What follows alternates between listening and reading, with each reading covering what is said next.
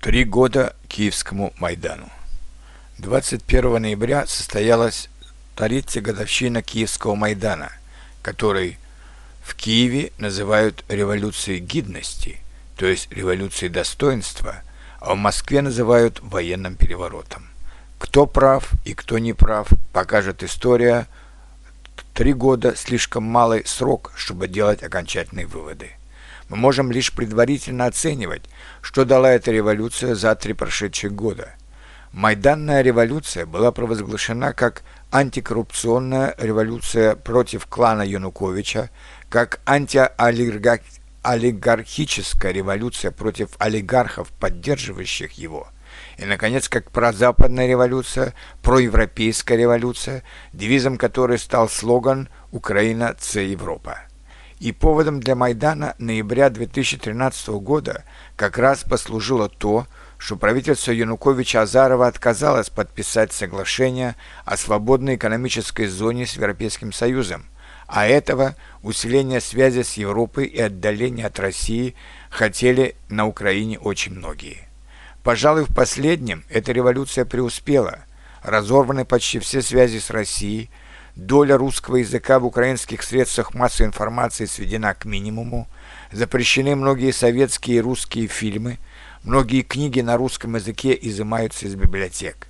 По всей Украине прошел ленинопад, снесены многочисленные памятники Ленину, а также многим другим революционерам, политическим деятелям или военачальникам советской поры.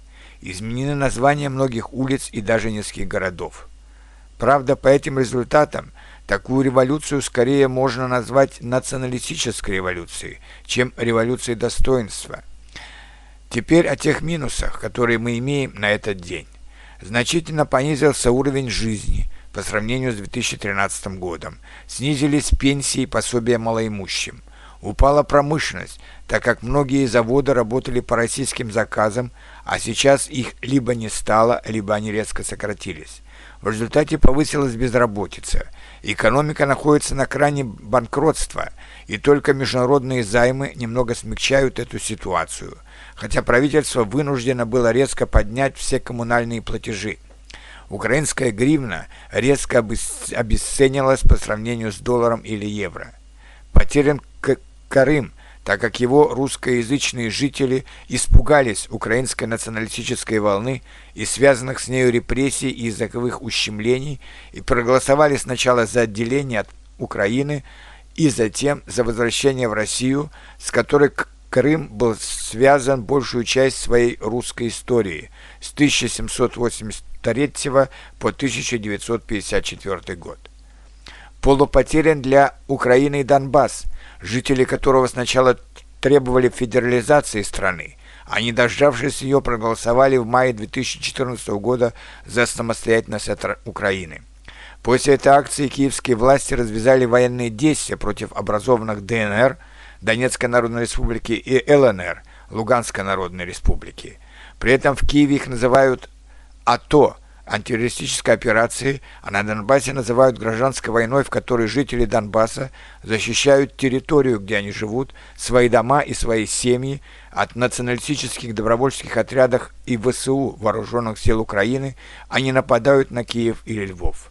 Конечно, им помогали российские добровольцы, а также добровольцы из других стран, в том числе из Испании и Франции – как и добровольцы, в том числе националисты из России, Белоруссии, Польши и Балтийских стран, помогали украинским войскам в их войне с Донбассом. И теперь мне лично трудно представить, чтобы Донбасс после потери почти 10 тысяч людей, в том числе около 200 детей, снова захотел бы быть в составе незалежной единой Украины. Возможен только вариант какой-то конфедерации, и то я в этом не уверен. Вероятно, прав отставной генерал из Финляндии, который видит радикальный выход из создавшегося тупика в создании двух украинских государств, одного ориентированного на Россию на юго-востоке, другого ориентированного на Европу в центре и на западе Украины. Иначе это вяло текущая война двух образов жизни, недопонимание, враждебность и разные герои в двух разных украинских частях будут вызывать напряженность и недовольство в течение многих десятилетий.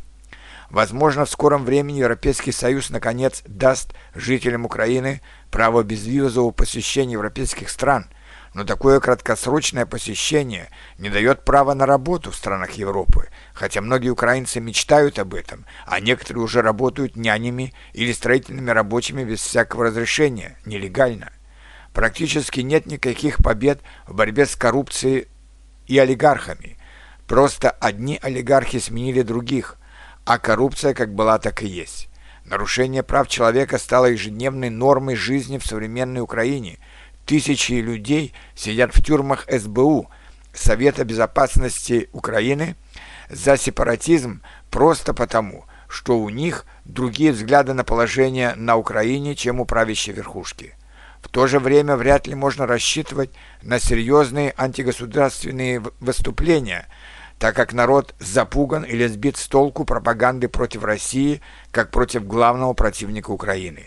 Европа и Соединенные Штаты Америки поддерживают такую антироссийскую политику правящих кругов Украины, хотя чувствуется, что они уже устали от бесконечного попрошайничества и недоговороспособности Киева.